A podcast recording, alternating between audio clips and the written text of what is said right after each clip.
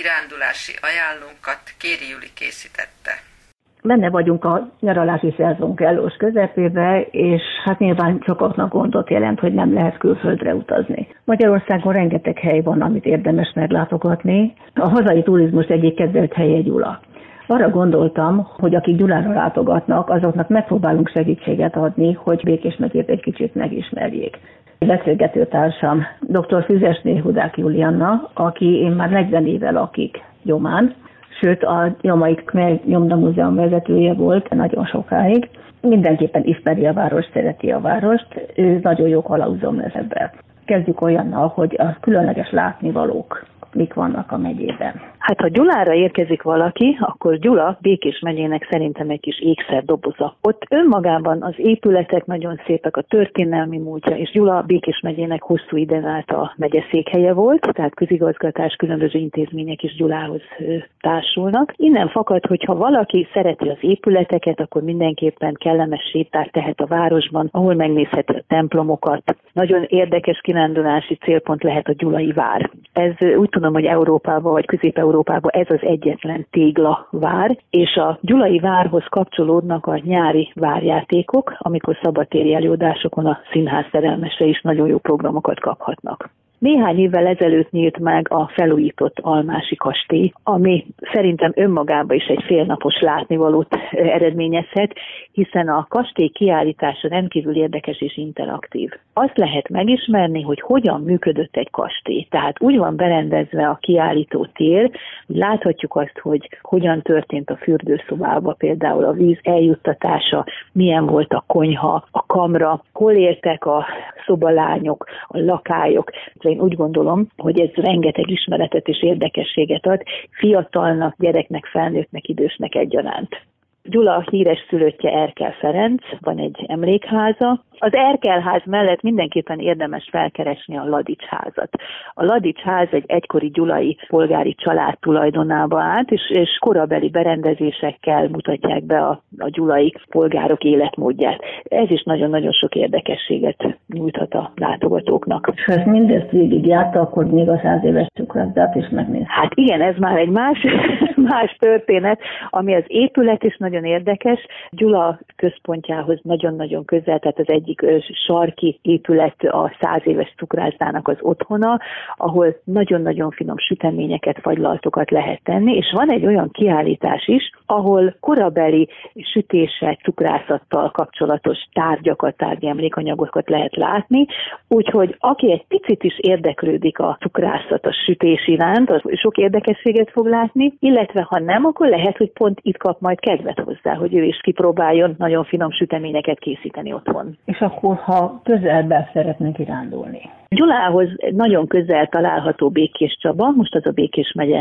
központja. Békés Csabán is nagyon sok nevezetesség található, hát a templomok mellett érdemes megnézni a szlovák tájházat, és Békés Csabához nagyon erősen kötődik Munkácsi Mihály. Békés Csaba központjában található a Munkácsi Mihály Múzeum, ahol nagyon szép kiállításokat tekinthetnek meg, és nem messze tőle néhány háznyira található a Munkácsi Emlékház, ahol szintén Munkácsival kapcsolatban is találhatnak emlékanyagot, illetve különböző képzőművészeti foglalkozások, tárlatok, rendezvényeket szoktak tartani. És akkor, ha tovább megyünk, melyik irányba érdemes? Hát most akkor menjünk Orosháza, Gyopáros fürdő felé. Orosházán nincsenek olyan jellegzetes épületek, tehát ott csak a fürdő van. Annak idején úgy nevezték, hogy a legnagyobb magyar falu, Darvas József több regényében írt is a településről. Orosháza mellett található a híres gyopáros fürdő, ami azoknak az embereknek ad igazán nagy vonzerőt, akik szeretnek fürödni, strandolni. Ez azért érdekes ez a gyopáros fürdő és strand, mert itt van egy élményi strandfürdő, egy gyógyfürdő, különböző egészségügyi szolgáltatásokkal,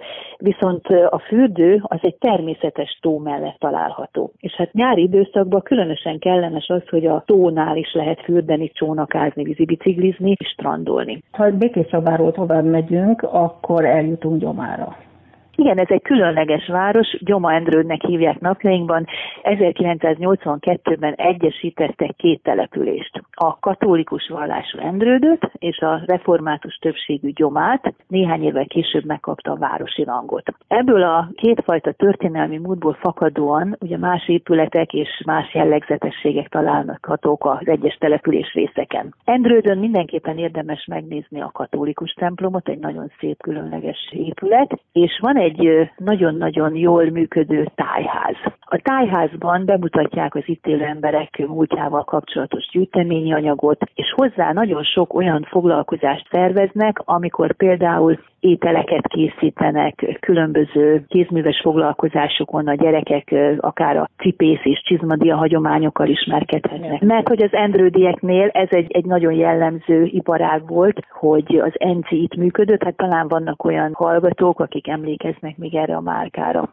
Szintén itt található az Endrődi Népház mellett néhány évvel ezelőtt nyitották meg a Szent Antal sütőházat, ami arról nevezetes, hogy volt valaha egy olyan Endrődi család, aki azért hozta létre, hogy a szegényeknek támogatást tudjon nyújtani azzal, hogy kenyeret sütöttek. Ezt a régi épületet felújították, és most sütőházként üzemel, minden héten tartanak benne bemutatókat, lehet vásárolni is az itt készült süteményekből. És itt szeretném még azt elmondani, hogy az is egy helyi specialitás, hogy van egy káposztás lepény, amit Endrődön minden családba sütöttek a mai napig is készítik, és ezt is meg lehet kóstolni, illetve meg lehet vásárolni. A másik városrészen, a gyomai városrészen is találnak nagyon szép épületeket, három templom található, hát ugye a többségi református vallásoknak a református templomban egy katolikus templom, amelyet Hausmann Alajos tervezett, és van egy evangélikus templomunk is. Polgári házak között nagyon-nagyon jelentős a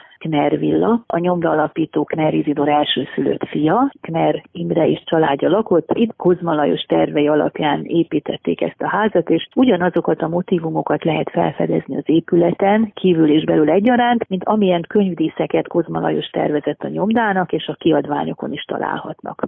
A Kner Villa 1970 óta ad otthont a Kner Múzeumnak, jelenleg is látogatható a kiállítás. Ez egy nyomdatörténeti kiállítás, ahol azt lehet megismerni, hogy a magas nyomtatással hogyan készültek a kiadványok, illetve a Kner család és a Kner nyomda történetére is nagyon sok dokumentum található a vitrinekben. És akkor, ha jól tudom, akkor van egy viszonylag friss múzeuma is. Ja igen, Gyomendrődön található még a Kner Múzeummal szembe a Városi Képtár. Van egy gyűjteménye Pap Zsigmondnak, aki egy helyi autodidakta ember volt, és csodálatos festményei faragásai készültek, ez látható az ő egykori házában. És nagyon érdekes látnivalót jelent az Aranka Játékbaba Múzeum. Latorcai újházi Aranka és a férje adományozott körülbelül ezer játékbabát a városnak. Több teremben láthatók a játékbabák. Vannak babák, amelyekkel lehet játszani, vannak, amelyek különböző mozdulatokat tesznek, tehát mind nagyon-nagyon különleges, és vannak közöttük karakterbabák, vannak olyanok, amelyek egy-egy foglalkozást mutatnak be, van, amelyiknek a ruházata különleges, valamennyi felújított, restaurált állapotban van van kitéve, tehát tényleg csodálatos látványt jelentenek, és van közöttük jó néhány, amelyet meg lehet fogni, tehát a gyerekeknek is élményt jelenthet, hogy ember közelbe látják ezeket a szép babákat. Ezek a látnivalók akár egész napot is leköthetnek, közben érdemes bárhol leülni egy-egy ligetbe. Igen, nagyon szerencsés településen élünk, hiszen ez a Körös-Maros Nemzeti Parknak a része. A hármas Körös folyó folyik mellettünk, ennek különböző holtágai partján nagyon kellemes kirándulásokat lehet tenni, lehet csónakázni a Körös parton. Akik szeretnek kirándulni, horgászni, azoknak nagyon nagy élményt jelenthet. Viszont ha már eljutottunk a természetig, akkor nem szabad szarvas kihagynunk. Igen, szarvas is egy nagyon kellemes kiránduló célpont lehet. Talán az egyik leghíresebb nevezetessége az arborétum, amit Pepikertnek is neveznek, Bolza Józsefről, a becenevéből lett a Pepikert. Kellemes kirándulóhely, a Körös partján található. Itt is lehetőség van arra, hogy a Körösön hajózhatnak is, és maga a gyönyörű fák és ligetek között sétálni, az a tiszta levegő és az a madárcsicsergés, én úgy gondolom, hogy mindenkinek igazi felüdülést okoz. Ha jól tudom, akkor van egy kis vasút is.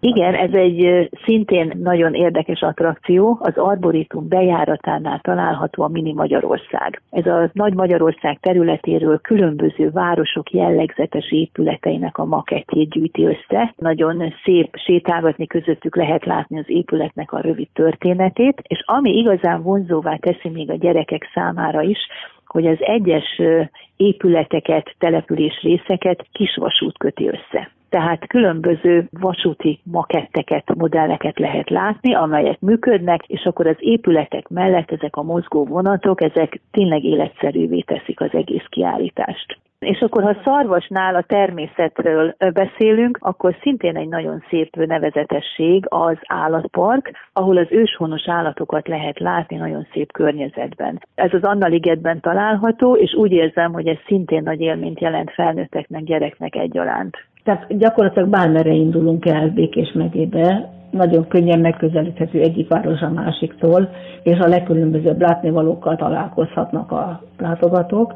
Ehhez már csak a jó időt kell kívánni. Ezzel meg is köszönném kalauzunknak, dr. Füzesné Hudák Júliának a kellemes elméleti.